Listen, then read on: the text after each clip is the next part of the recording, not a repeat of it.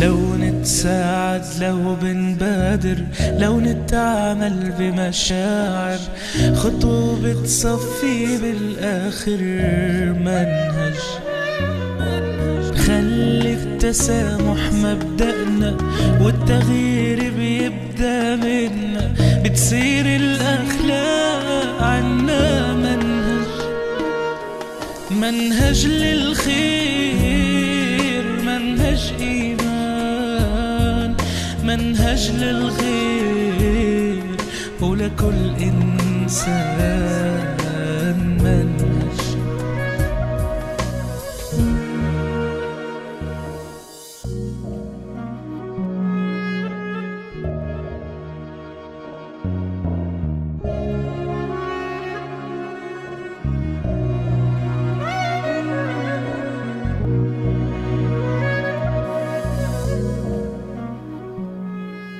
بسم الله والحمد لله حياكم الله في اليوم العاشر من رمضان وهكذا نودع ثلث رمضان ويبقى ثلثين إن شاء الله واللي ما شد حيله برمضان يشد حيله وخاصة في العبادة وفي عبادة السلوك اللي إحنا بحاجتها. اليوم موضوعنا استكمالا ليوم أمس، يوم أمس بدينا ب ABC أو ألف باتا علم تربية وعلم سلوك إنساني وحكينا إنه أهم قضية وأول قضية يجب أن نهتم بها في إدارة سلوكنا وفي تنمية سلوك أطفالنا وأبنائنا وأزواجنا وزوجاتنا وجيراننا وجاراتنا هو موضوع زاوية النظر. من أي زاوية أنا عم بتفرج على السلوك اللي لازم يظهر قدامي من زوجي وزوجتي واولادي بشكل أساسي الأسرة. وحكينا إنه يا إما بننظر من عين الفراشة يا إما بننظر من عين الذبانة. وحكينا هاي بتدور على الأشياء الجميلة والمقنعة وهاي بتدور على القاذورات والأشياء السلبية. هاي نتيجتها إيجابية وأطلاق سلوك حقيقي وأمان وطمأنينة داخل نفوسنا ونفوس زوجاتنا وأزواجنا وأبنائنا. أما الثانية عين الذبانة فكلها قلق وتوتر وضرب وعنف ومشاكل لا نهاية لها. وموضوعنا اليوم استكمالا ليوم أمس أو بسميه أنا الترجمة الحقيقية لزاوية النظر اللي هو عالم الرسائل اللسان والكلمات التي أطلقها اتجاه أنا بسميها أطلقها لأنها زي الرصاص مرات أتحدث بها أو أطلقها اتجاه الطرف الآخر اللي هم بالذات أنا مركز بمنهج برمضان هذا على موضوع الزوج والزوجة والأبناء. آه الكلمات التي تطلق هي تعبير حقيقي أو أتحدث بها تعبير حقيقي فاعل ايجابا أو سلبا لزاوية النظر اللي أنا بتفرج فيها على سلوك أبنائي. لما أنا أكون زي مثال امبارح إذا أنا عمري آه عفوا عمر طفلي أربع سنين أخذته عند بيت حماي أو حماتي وابني بدأ يتحرك زاوية نظري له إنه مكتشف مخترع طفل بتعلم من خلال اللعب بتكون كلماتي منطلقة من هاي الزاوية. ماما الله يرضى عليك أبدعت ما شاء الله عنك مكتشف. ماما شفتي هاي عند تيتا؟ آه ما شاء الله. شو هاي يا تيتا؟ بتكون إيجابي إيجابي إجابتي إيجابية. كلامي ورسائلي إيجابية. أما العكس لما أكون شايفيته فاضحني قدام جدتك. يا ويل قلب يا أستاذ جدتك شو حتحكي عني؟ اللي هي حماتي. فببدأ أنظر للسلوك من زاوية سلبية وبتبدأ الرسائل اللي تطلع اتجاهه. رسائل سلبية زي فضحتني مشان الله أقعد. يا ابني مشان الله شو اللي بتسوي إمتى بين قوسين؟ عم سامحوني على اللفظ أرجوكم. لكن هذا الخطير صار ابني قرد صار ابني شيطان حركته شيطانية. هاي الرسائل اللي هي با تربية وبا علم سلوك بتأدي يا إما لنجاح أو فشل حقيقي بالأبناء. يوميا أنا عم بقعد مع ناس وقبل أيام قعدت مع إنسان عمره ابنه صار 19 سنة. بقول لي والله يا أخي ما أنا عارف شو بدي هالملعون شو بدي عفوا على اللفظ أرجوكم. بس أنا بحكي من لغة الشارع من لغة من لغة البيوت الأردنية. هالملعون مش عارف أفهم له. يقطع شيطان وشو إنه غلبني شو إنه كذا. كلماته قلت له قلت له أنت إلى إلى ابنك 19 سنة عم بسمع منك هاي العبارات. أنت شكلت سلوكه السلبي بهاي العبارات. انت معتبره ملعون انت معتبره غضيب والدين انت معتبره. هاي الكلمات هاي الرسائل أرجوكم خاصة اللي عنده أطفال صغار أو حتى شباب كبار عدلوا عالم الرسائل كثروا من موضوع المديح وغيره. حنحكي الآن عن ثلاثية الشر وثلاثية الخير بعالم الرسائل. لكن قبل ما ندخل بالتفاصيل والتكنيكس حابب أذكركم بحديث محمد صلى الله عليه وسلم. حديث خطير. وحديث كلنا حافظينه. لما سيدنا معاذ سأله عن آه، بعض الأسئلة عن الإسلام ورأس الأمر وحكمة الإسلام من ضمن الإجابات اللي أجابها محمد صلى الله عليه وسلم حكى له يا معاذ أمسك عليك هذا. اللي هو اللسان وأشار محمد صلى الله عليه وسلم للسان لخطورة عالم الرسائل والكلمات اللي بتطلع من من من هذا اللسان. سيدنا معاذ سأل محمد صلى الله عليه وسلم أو مؤاخذون نحن بما نتكلم به يا رسول الله. فالرسول استغرب حكى له ويحك؟ أو ثكلتك أمك وهل يكب الناس في النار على وجوههم إلا حصائد ألسنتهم؟ حديث كلنا حافظينه وجزء حفظناه إحنا بالثالث باء ولا الثالث جيم. بس من طبقه هل استوعبناه صح؟ محمد صلى الله عليه وسلم من من المرات النادرة اللي استخدم فيها ثكلتك أمك هاي المرة. دلالة على عظم وأهمية عالم الرسائل اللي بيطلع منه، إجوا علماء النفس من عقود وتحدثوا على أثر الكلمات اتجاه الأطفال واتجاه الزواج. هل تعلمون على الأقل من مراقبتي ومتابعتي الشخصية لآلاف الحالات اللي شفتها بالسنوات الأخيرة حالات ال- الزواج. أكثر ما يفشل. أنا إذا بدي أعطي تقدير شخصي بحكي 90% مما يفشل الحياة الزوجية بين الزوج وزوجته هي عالم الرسائل هي الكلمات التي يختارها أو تختارها الزوج أو الزوجة. يا ما شفنا زوجات شعرات بالظلم أو أزواج شاعرين بعدم الرضا بسبب رسائل عم تطلع من من فم الزوجة أو الزوج. يا جماعة الخير الموضوع في غاية الأهمية الموضوع أنا راجع بمنهج أنا وياكم والكادر الرائع والفريق الرائع اللي معنا لأصول أصول دقيقة جدا في عالم بناء الأسرة وفي عالم بناء الإنسان فعالم الرسائل من. من العوالم من العوالم المهمة جدا أن ننتبه آه، لها بدي أذكركم. بنص ديني ثاني هو عبارة عن آه، عن أحد الناس قال لولا التشهد أظن في إحدى القصائد عن محمد صلى الله عليه وسلم. لولا التشهد لكانت لاؤه نعم. يعني حتى كلمة اللا والممنوع كان محمد صلى الله عليه وسلم حذر بأنه يحكيها بل ما وردت عنه إلا بالتشهد. أشهد أن لا إله إلا الله وأشهد أن محمد رسول الله. فكلمة اللا ما كانت تطلع منه إلا بالتشهد. طيب أنا بشوف آلاف الأمهات بقول لهم ممكن تعطوني توجيه لسلوك أطفالكم بطريقة إيجابية؟ حطوا رولز حطوا قواعد بيتية. بتلاقيهم رايحين ممنوع ناكل شوكولاتة ممنوع نسهر ممنوع آه نلعب مم كله لا وممنوع لا وممنوع. وهذا شيء دقيق بعالم الرسائل. أنا طفل لما أشوف أمي لا وممنوع لا وممنوع. وهاي الكلمات عم تستخدمها وهاي الرسائل عم بتوصلها آه، إلي. معناته أنا شخصية مرفوضة. والله يا جماعة مرة بإحدى ال- الدكاكين كنت موجود. وسمعت آه، أب بحكي لطفلته وطفله بدهم يشتروا شيبس ولا أبصر شو ما بدي. لا لا لا لا والله عديت له فوق ال 15 لا أنا عديتهم عد في أقل من دقيقة خلال ثواني. لا لا لا لا لا لا. حتى بعض الأمهات أو الكثير من الأمهات لما بدهم يحكوا لا والآباء كذلك بيحكوا ثلاث أربع لقات ورا بعض. فبشعر الطفل بأنه أنا أنا مرفوض سلوكي أنا غير محبوب أنا غير مقبول. جراء عالم الرسائل. لكن الأصل العكس زي ما علمنا سيدنا علي وحكينا عنه بحلقات ماضية إنه أنا بدي أعامل طفلي كالأمير خاصة لأول سبع سنوات.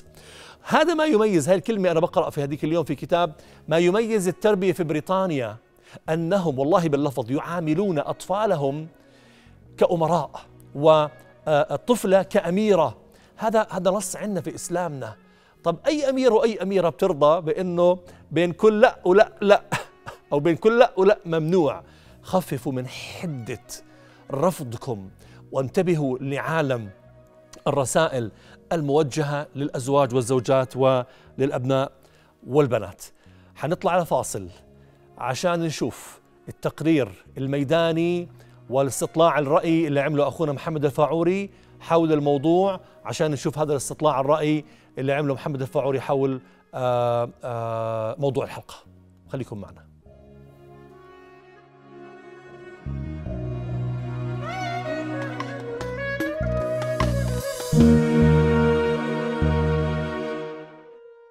بتتذكر عبارة من والدتك أو من والدك أو من معلمك بتأثرت فيك؟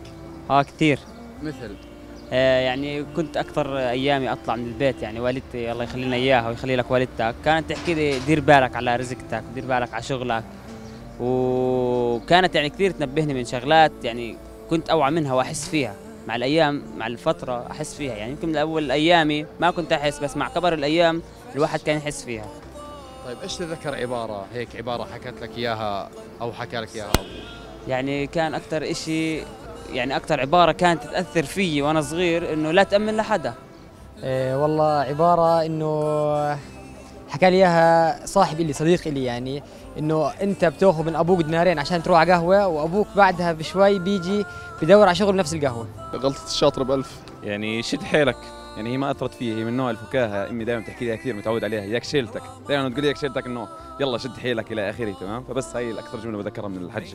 الله يرضى عليك أحلى كلمة. كما تزرع تحصد. إنه شو ما بتعمل هذا بالآخر بتلاقي اللهم صل على سيدنا محمد. إنك تكون رجل دير بالك على بيتك اولادك تذكر عبارة حكى لك إياها والدك أو والدتك أو أستاذك أثرت فيك لحد الآن؟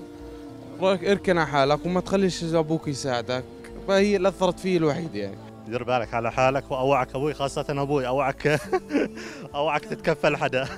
قالوا لي ادرس تنجح. يعني دير بالك على دراستك بكرة راح تنفعك بكرة أيام شغلك راح تنفعك حتتذكرها راح تفيدك زي هيك بتذكر عبارة اللي حكى لي اياها والدي اللي هي سلاحك بالدنيا هو شهادتك. إنك لن تفشل إذا انسحبت. الدراسة جرحني فيها نعم ولحد الآن بتندم عليها أنا. إني ما رديت عليه وكملت دراستي زي ما قال لي نصحني آه، لا بابا أكيد دائما بحكي لي ديري بالك على حالك وانتبهي على حالك وما تحكي معي حدا غريب. بتتذكري رسالة أو شيء حكى لك إياه أبوك أو أمك أو أستاذك؟ أثر فيكي؟ كثير مثل؟ يعني أهم شيء طبعا الوالد كان يضل يقول أهم شيء ب- يعني أهم سلاح في حياة البنت أو في إيد البنت اللي هو العلم. وفعليا الحمد لله هلأ أنا مهندسة. إنه طبعا هي إنه أنت لازم تستمتع بأي شيء أنت بتعمله وتحس بقيمة الإنجاز إنه أي شيء أنت بتعمله سواء كبير أو صغير طبعا شيء بيفيد المجتمع وبيفيدك أنت إنه أنت لازم تحس فيها كل معانيها يعني. إنه ما أعطيش لحدا عين فهمت علي؟ ما اخليش حدا يركبني من الآخر فهمت علي؟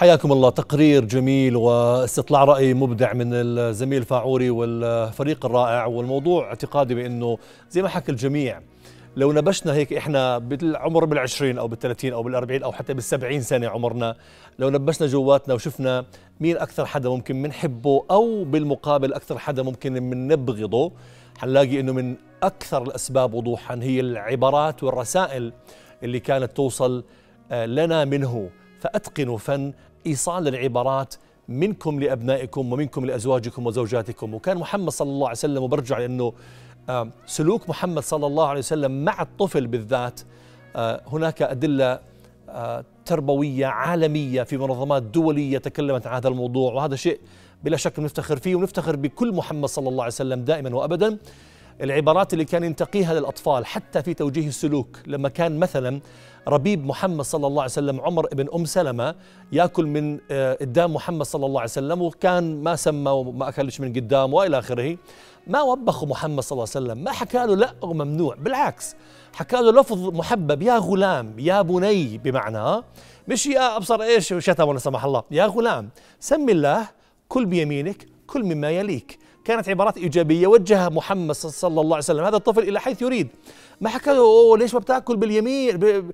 ليش ما بتأكل باليمين؟ ليش آه، أوه هاي الشيطان جنبك. أنت ما سميتش؟ أنا شايف الشيطان جنبك عم باكل معك. ما استخدم هاي الأساليب اللي بعض الناس بيستخدموها وبيطلقوا عبارات في غاية السوء تجاه الطفل. ما هكذا كان محمد صلى الله عليه وسلم. ويجب أن نتعلم منه اللفظ الإيجابي اتجاه الناس. دائما وابدا الزوجات والأزواج والأطفال. حنطلع لفاصل وبعده حنواصل. خليكم جنب رؤية.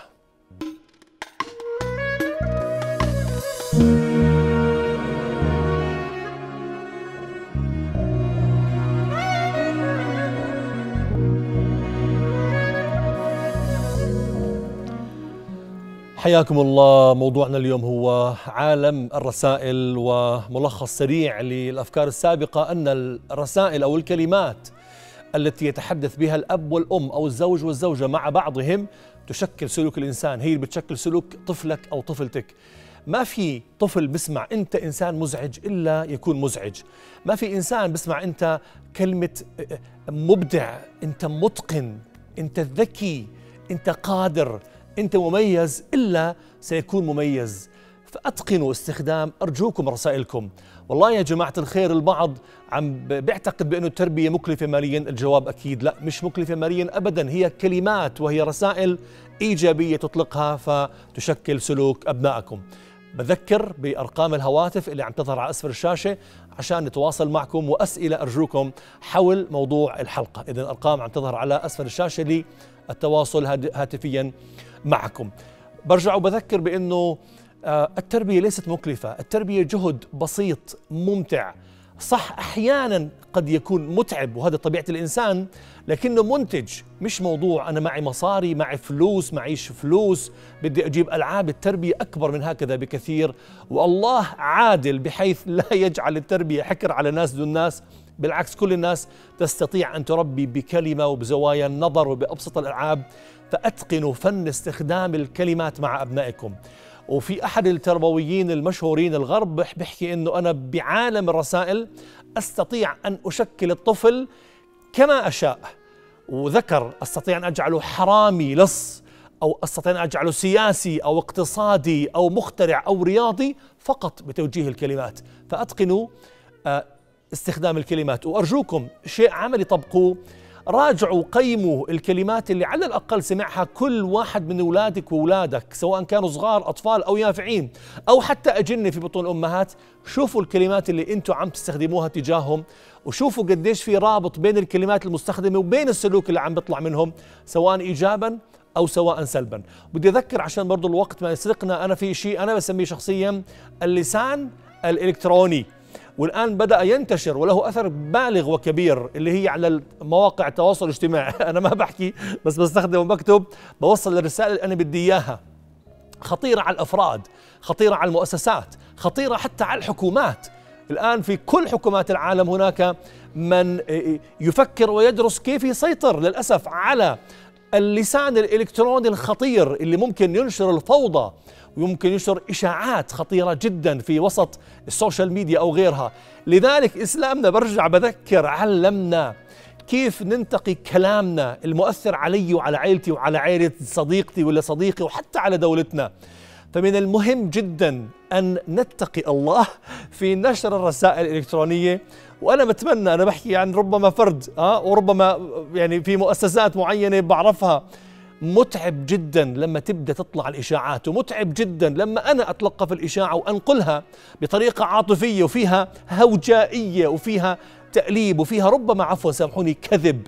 هذا ليس من الإسلام في شيء. فيا ريت حتى اللسان الإلكتروني نتقن فن إدارته وفن السيطرة عليه ولا نستخدمه إلا في الخير وفي صناعة الخير للأسر وللمؤسسات وبلا شك للدولة. أه بدي أحكي عن موضوع ثلاثيه الخطر في عالم الرسائل وثلاثية الإبداع في عالم الرسائل. ثلاث أشياء خطير جدا استخدامها في عالم الرسائل وعالم اللسان سواء في تربية الأبناء أو في العلاقات الزوجية. واحد الانتقاد. نحن نشاهد أحيانا كثيرة إنه في أم تنتقد أطفالها وتعتبره جزء أو روتين من حياتها. الانتقاد هو تعبير لفظي يعبر عن عدم رضاي أنا كزوج أو زوجة أو أم أو أب اتجاه آه، سلوك أبنائي. آه، هذا أمر خطير جدا. عمرك ما حتسير عمرك ما تفهم علي عمرك ما حتفلح. هذا انتقاد حاد جدا مرفوض وهذا خطر. الموضوع الثاني المقارنة. ها شوف آه وإحنا عندنا نوعين من المقارنة اللي هي مقارنة بالآخرين شوف ابن جارك شوف ابن عمك شوف بنت خالتك تفهم وانت والله طلطميس مثلا لا سمح الله. أو مقارنة بالذات أنت السنة الماضية كنت بتفهم السنة هي ليش بطلت كذا كذا كذا؟ فالمقارنة خطيرة في موضوع عالم الرسائل المحور الثالث أكيد الشتم اللي هو نوع من أنواع العنف الشتم والألفاظ النابية وكلام خطير جدا. أما ثلاثية الإبداع فهي بلا شك المديح والنصيحة الإيجابية والحوار الإيجابي. بكرة بنفس الموعد حنلتقي وحنتحدث عن حلقة جديدة من منهج بإذن الله تعالى. اذا الحين أستودعكم الله. السلام عليكم.